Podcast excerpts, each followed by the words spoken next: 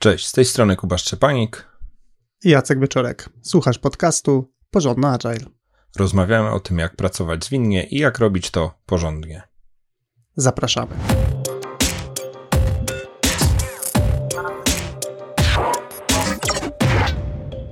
W dzisiejszym odcinku porozmawiamy o kończeniu pracy. Odcinek ma swoją genezę w obserwacjach, które prowadzimy pracując z zespołami, gdzie bardzo częstym problemem, który wpływa na masę innych rzeczy, jest to, że zespół notorycznie rozpoczyna nową pracę, nie kończąc tego, co zaczął wcześniej. E, podobny odcinek e, o zbyt wielkiej ilości pracy realizowanej jednocześnie to był odcinek 67. Mamy zbyt wiele projektów i co z tym zrobić. E, natomiast w, w tamten odcinek był mocno na poziomie wielu projektów w całej organizacji. Mm, ten odcinek, który przed Tobą, będzie o perspektywie zespołu i perspektywie pracy indywidualnej, która się realizuje jednocześnie w ramach danego zespołu. No dobrze, Kuba, to jaką miałbyś pierwszą radę dla zespołów, które mierzą się z problemem niekończenia rozpoczętej pracy? Pierwsza rzecz, która przychodzi do głowy, to e, taki etap już przed e, faktyczną pracą, czyli jak podzielona jest praca. No i moja rada numer jeden to dziel pracę na mniejsze kawałki. Ten temat poruszaliśmy całkiem niedawno w odcinku 76 i tutaj on merytorycznie również do problemu E,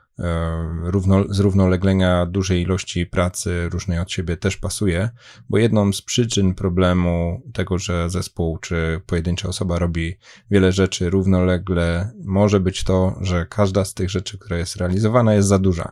E, czyli ona długo trwa, ktoś się na przykład nie, niecierpliwi i każe zacząć nową pracę, albo ta duża praca jakoś z jakiegoś powodu utyka. Um, może być wiele przyczyn, ale tutaj jakby przyczyną bazową jest to, że praca jest za duża i trzeba ją podzielić. Dzięki temu, że możemy podzielić ją na mniejsze kawałki, jest szansa, że będziemy też e,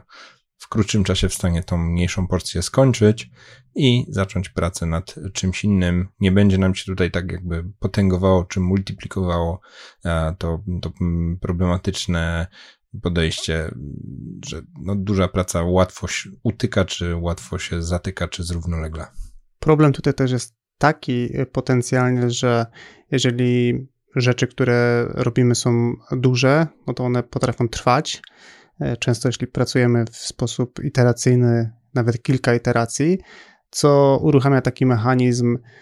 no dobra, to już trwa i trwa, ale nie możemy czekać z innymi rzeczami, więc to, co jest otwarte, no to w końcu zakończcie, ale już rozpocznijmy pracę nad kolejnym e,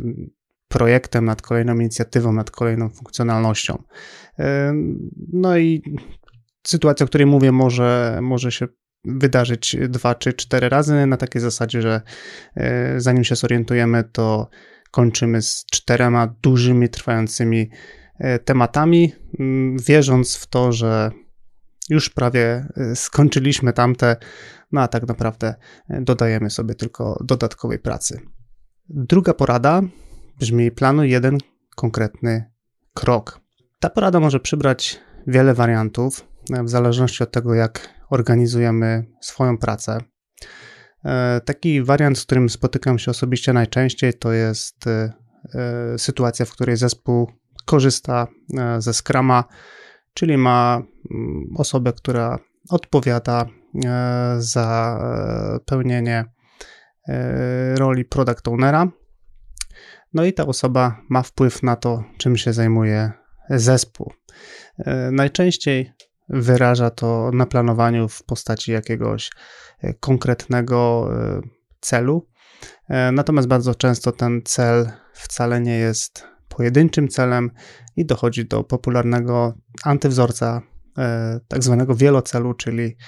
e, do zrobienia jest A, I, B, I, C, I, D.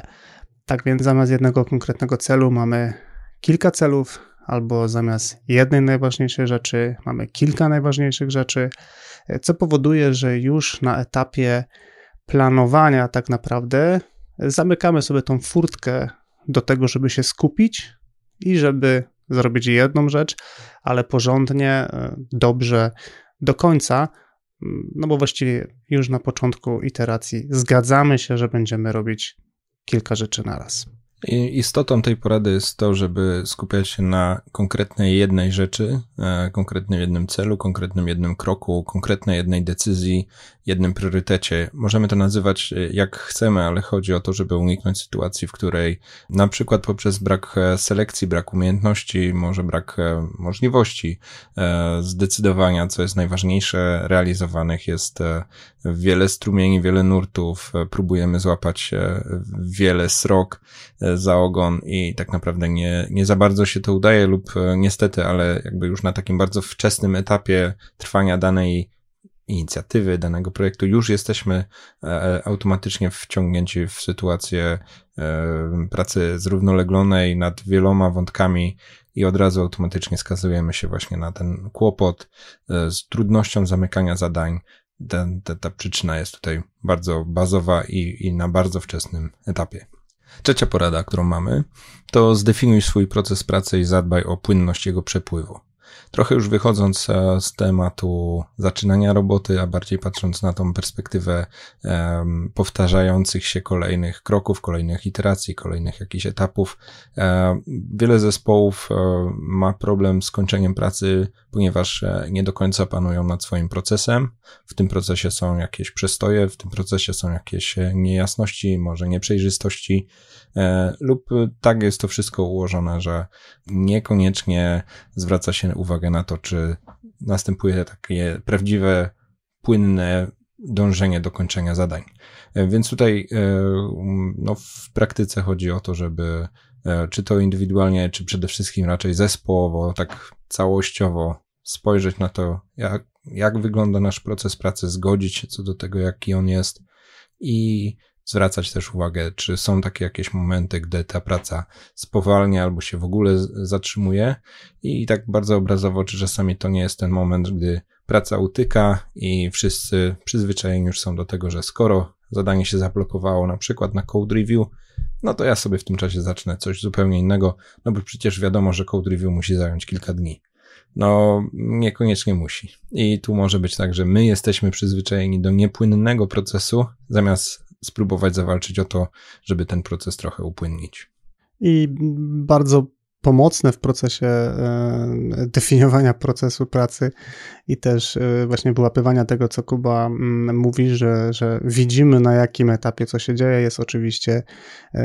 czy są oczywiście wszelkie, e, wszelkiego rodzaju formy wizualizacji, czy to w formie mm, narzędzia online, czy to w formie jakiejś tam fizycznej tablicy, gdzie zespół sobie tą pracę mm, wizualizuje. No, z mojej perspektywy, to wielokrotnie na pewno wspominałem już e, w naszych nagraniach, e, to, to zmienia grę. W sensie dostajemy dodatkową, taką bonusową e, warstwę, z której możemy korzystać, no, która jeśli jest dobrze zrealizowana, czyli faktycznie oddaje prawdę i wszyscy na to patrzymy, no to, to faktycznie pewne rzeczy, które normalnie by nam umknęły, nagle jesteśmy w stanie zobaczyć, wskazać palcem, e, przesunąć, no i to e, zwykle przynosi bardzo pozytywne mm, efekty. Kolejną poradą, którą mamy, to porada, która brzmi kończ otwarte zadania. E, brzmi bardzo, bardzo prosto i wydaje się taka bardzo oczywista, no ale jak wskazuje nasze doświadczenie,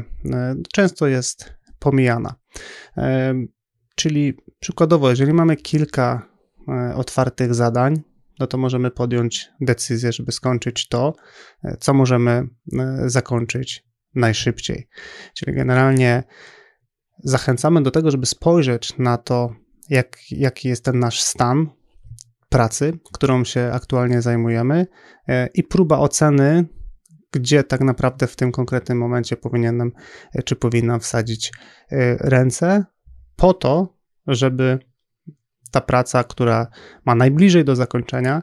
e, czyli na przykład zostały nam tylko testy albo tylko jakaś tam inna drobna czynność, e, która oddziela nas od stwierdzenia, że to zostało zakończone e, i skupienia się na tym konkretnym działaniu. I chodzi też o to, żeby taką sobie wytworzyć kulturę czy nawyk zarówno osobiście, jak i też najlepiej również e, w, w ramach całego zespołu, że to nie jest wszystko jedno, czy ja zrobię skończenie już rozgrzebanego, czy może rozpocznę jakieś następne, zwłaszcza w niektórych zespołach e, skramowych widzę taką, taką obojętność, że no to co, i tak wszystko razem musimy na koniec sprintu zrobić, po prostu dopchniemy pod koniec i wychodzi ten taki efekt cliffu, czyli zespół przez cały sprint miał mnóstwo rozgrzebanej pracy, a dopiero tuż na końcu sprintu im się to zaczyna zamykać, jeśli w ogóle. E, ale nawet gdyby nie chodziło tylko o to, że wyrabiamy się na koniec sprintu, po prostu miejmy nawyk e, domykania, kończenia, nieposiadania gdzieś tam w głowie, czy wręcz na głowie tylu jakichś wątków, które są gdzieś realizowane równolegle, wątków, o których muszę pamiętać, wątków, który, między którymi być może będę się przełączać. Więc tutaj jest jakby dodatkowym bonusem, czy dodatkową wartością są w sobie fakt, że będę mieć mniej na głowie, będę o mniejszej ilości rzeczy musiał pamiętać, jeśli będę się skupiał na tym, żeby po prostu domykać, dopychać, e, kończyć, a nie rozpoczynać e, następne zadania, lub jeśli mam kilka do dokończenia, to też tak troszkę jakby rozładowywał się, zaczynając od tego, co jest najprostsze do zamknięcia i e, no, nieposiadania zbyt wielu rzeczy w toku. I tak y, dając dwa konkretne przykłady, to e, na przykład na planowaniu możemy zacząć od zaplanowania wykonania tych zadań, które nie zostały ukończone w poprzednim sprincie czy w poprzedniej iteracji, zanim zaczniemy planować pracę nowych tematów, co zwiększa szanse, że te rozgrzebane już zostaną dokończone. E, inny przykład, kiedy jakąkolwiek formę e, stand-upów mamy w zespole, no to też możemy zmienić orientację tego spotkania z tego najbardziej popularnego, gdzie pojedyncze osoby z zespołu opowiadają, czym się zajmowały e, wczoraj, co będą robić dzisiaj, e, zmienić na taką formę, gdzie raczej iterujemy się po zadaniach, które są najbliżej końca. I można to zrobić w łatwy sposób między innymi wyświetlając sobie e, w sposób e, graficzny, wizualny naszą e, tablicę, która zwykle odzwierciedla jakieś tam flow, które mamy. No i przechodzimy z takiego myślenia, co robią osoby w zespole, na myślenie, które zadanie jest najbliżej końca i na tym skupmy swoje wysiłki, żeby to zadanie po prostu jak najszybciej domknąć i zakończyć. Okej, okay, piąta porada, którą mamy, to wspieraj innych w kończeniu zadań. W poprzedniej radzie mówiliśmy o tym, żeby skupić się na kończeniu otwartych zadań, ale można też pójść dalej i jeśli mam do wyboru zacząć jakieś zadanie swoje albo pomóc koledze, koleżance z zespołu, żeby oni domknęli swoje zadania, no to tutaj również wartością dodatkową, jakby na takim kolejnym poziomie całozespołowym jest to, żeby cały zespół zwracał wzajemnie uwagę sobie na to, e, czy jest coś, co mogę zrobić dla kolegi, koleżanki, żebyśmy wszyscy razem mieli jak najmniej otwartych zadań i może mogę w czymś odblokować, może mogę w czymś pomóc, może mogę trochę wyjść zupełnie ze swojej roli, ale dzięki temu jako cały zespół będziemy mieli mniej równoległych zadań. I mówię to, ponieważ e, tak jak Jacek zaczynał, e, że, że, że widzimy w zespołach e, różne postawy. Ja niestety za często, o wiele częściej niż bym chciał, widzę sytuację, w której jedna osoba w zespole jest absolutnie utopiona z jakichś powodów w zadaniach, a inne mają wolne przebiegi, zaczynają kombinować, szukać zadań, być może wyprzedzać w ogóle sprint, bo no bo oni już swoje skończyli i to swoje takie mocno w e, takim negatywnym cudzysłowie, mm, no to byłby moment świetny na odruchy zespołowe i wzajemną pomoc. To, co tutaj jest e, bardzo pomocne, to ustalenie sobie w zespole takich zasad na zasadzie, co się dzieje, jak skończę swoją pracę. Bardzo często obserwuję, że teamy nie mają żadnego takiego ustalenia, więc e, po prostu w zależności od konkretnej osoby podejmowane są różne akcje, czyli Czasem ktoś bierze sobie kolejne zadanie, e, które jest na jakiejś tam liście, na przykład e, w backlogu sprintu. Czasem osoby biorą sobie to z jakiejś tam bardziej globalnej listy, na przykład z backlogu produktu, e, a czasem po prostu jakieś zadanie sobie wymyślają, wręcz do tego stopnia na zasadzie, że tam ktoś ma jakiś taki fajny, fajny task, który po prostu ma ochotę zrobić. Natomiast no, nie ma to nic wspólnego z pracą zespołową, więc przykładowo E,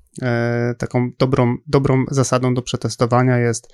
kiedy kończę swoją pracę, to zaczynam od sprawdzenia, czy ktoś nie potrzebuje pomocy, żeby jakieś konkretne zadanie e, dokończyć. I dopiero kiedy upewniam się, że nie mam komu pomóc się odblokować, no to dopiero zgodnie z jakąś tam sensowną umową, na przykład patrzę na tą listę zadań, którą sobie na konkretną iterację czy sprint wybraliśmy. I wspominałeś o daily, a to jest dokładnie jeszcze jedno mądre pytanie, które można sobie zadać lub ważny wątek, który na daily można też e, poruszyć mam wolne przebiegi, kto potrzebuje pomocy, ewentualnie nawet z boku, hej, Maćku, widzę, że już skończyłeś, Kasia jest jeszcze utopiona w zadaniach, może byście jakoś popracowali razem. Zakładając, że kultura organizacyjna pozwala powiedzieć, mam wolne przebiegi. Bo to wcale nie jest takie oczywiste. Ok, przedostatnia porada, e, którą mamy, brzmi ograniczaj ilość jednocześnie wykonywanej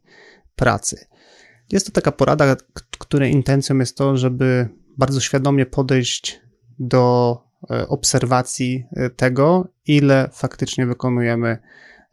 pracy w danym momencie.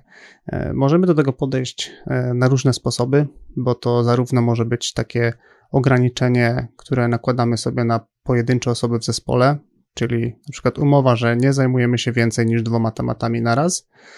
ale to może być też E, umowa, którą zawieramy na bardzo konkretny etap w naszym procesie. Czyli przykładowo jednocześnie w procesie developmentu nie znajduje się więcej niż x zadań, albo nie testujemy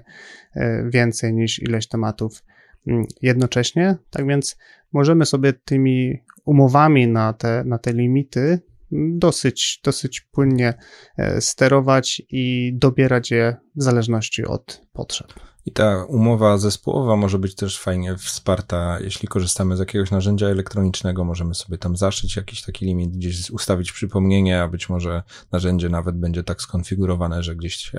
da nam pewne ostrzeżenie, że, że wcześniej podjętej umowy jednak nie dopełniamy i tych zadań jest jednak więcej. E, no i przede wszystkim w takim limicie chodzi o to, żebyśmy jako zespół czuli,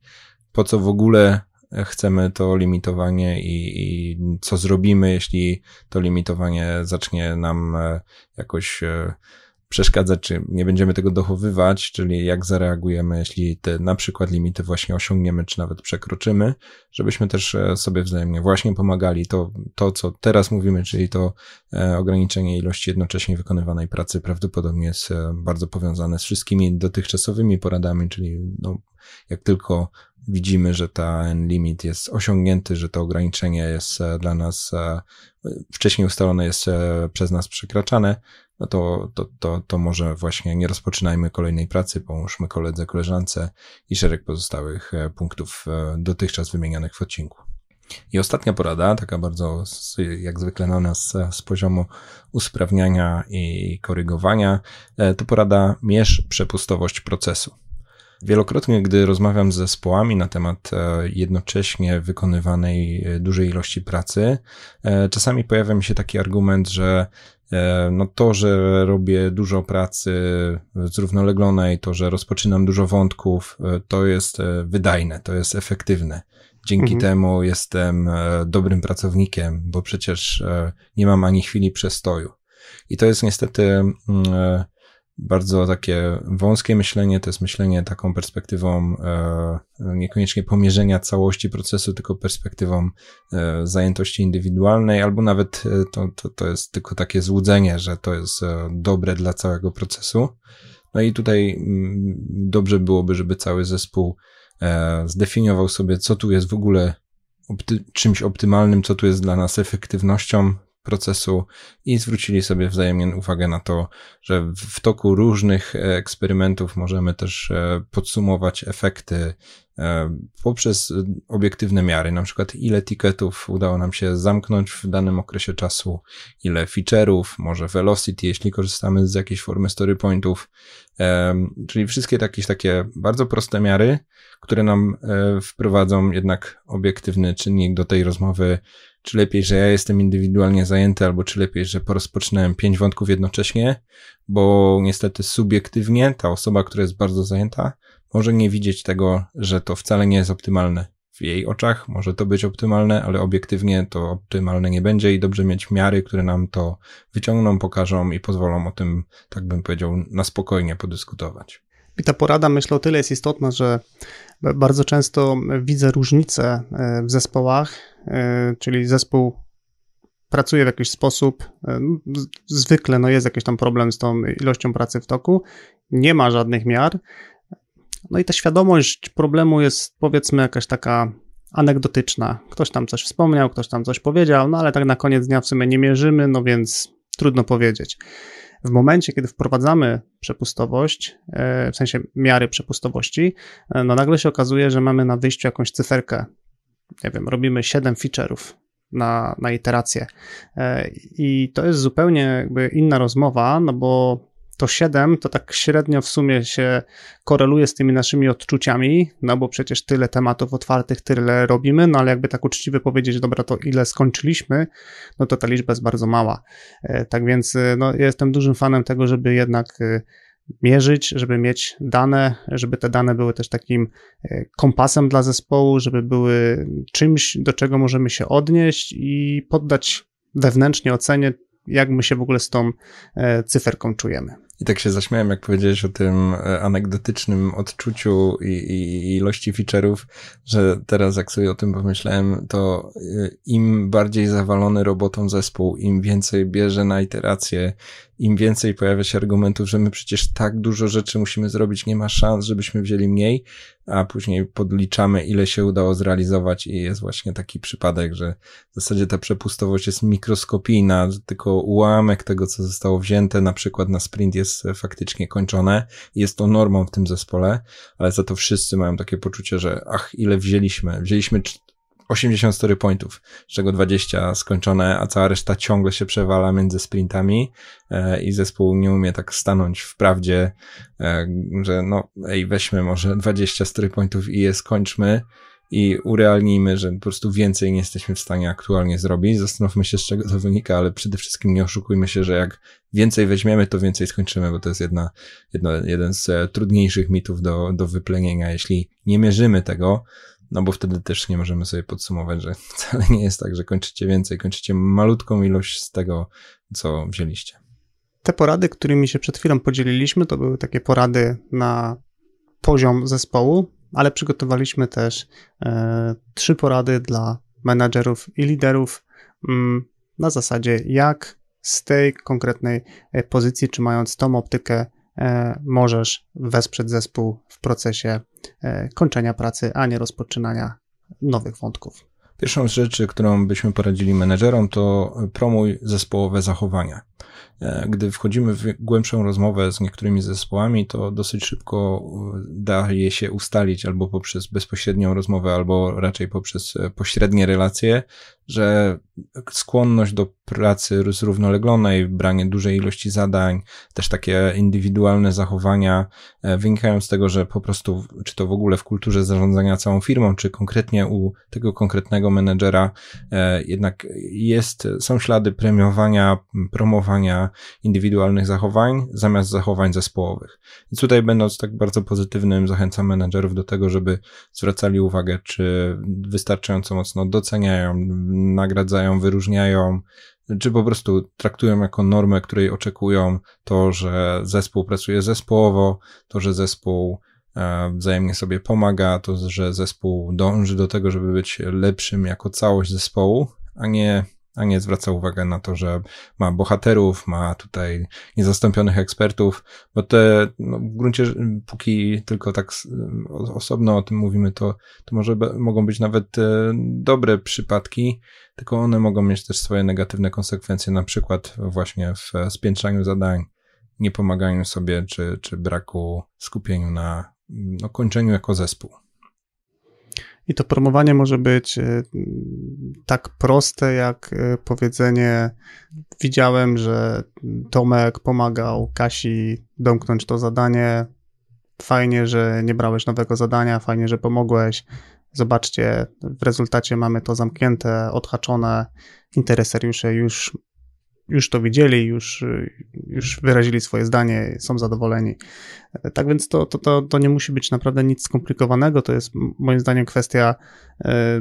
obserwacji i po prostu komentowania rzeczywistości we właściwych momentach, zwracania uwagi, e, nazywania pewnych rzeczy e, po imieniu, no bo jakby rozumiem, że zespół będący w ciągu pracy no może po prostu nie mieć optyki na to, żeby patrzeć na wszystko z z lotu ptaka z perspektywy całego e, procesu, no tylko jednak skupia się konkretnie na, na swojej pracy. Druga porada, którą mamy dla menadżerów, brzmi optymalizuj system na kończenie pracy. Taką e, bardzo, bardzo e, popularną optymalizacją, którą obserwuję, to jest optymalizacja na, na zajętość czyli e, w szczególności to jest widoczne na mm, wszelkiego rodzaju sesjach planowania, gdzie próbujemy e, zapewnić, że, że osoby, które są zaangażowane e, w konkretną iterację, w konkretny sprint, są po prostu zajęte, są właściwie obłożone. Te, ta dostępność godzinowa, którą mamy na na przykład dwa tygodnie, ona jest wykorzystana na 100%. Problem z tym podejściem, w sensie rozumiem jakby dlaczego to robimy. W sensie zdrowy rozsądek podpowiada, no, że skoro mamy x osób, no to chcemy te osoby wykorzystać, e, w sensie ich dostępność czasową w jak najlepszy sposób. E, natomiast e, myślenie w ten sposób powoduje, że automatycznie uruchamiają się mechanizmy pod tytułem muszę bardzo dobrze wykorzystać swój czas pracy, co często prowadzi do tego, że nie mam w ogóle żadnej wolnej przestrzeni, na to, żeby pomóc komuś innemu. Więc przykładowo jakieś code review czeka na zrobienie, no ale ja go nie ruszę, no bo na planowaniu już sobie tak pod korek zapełniłem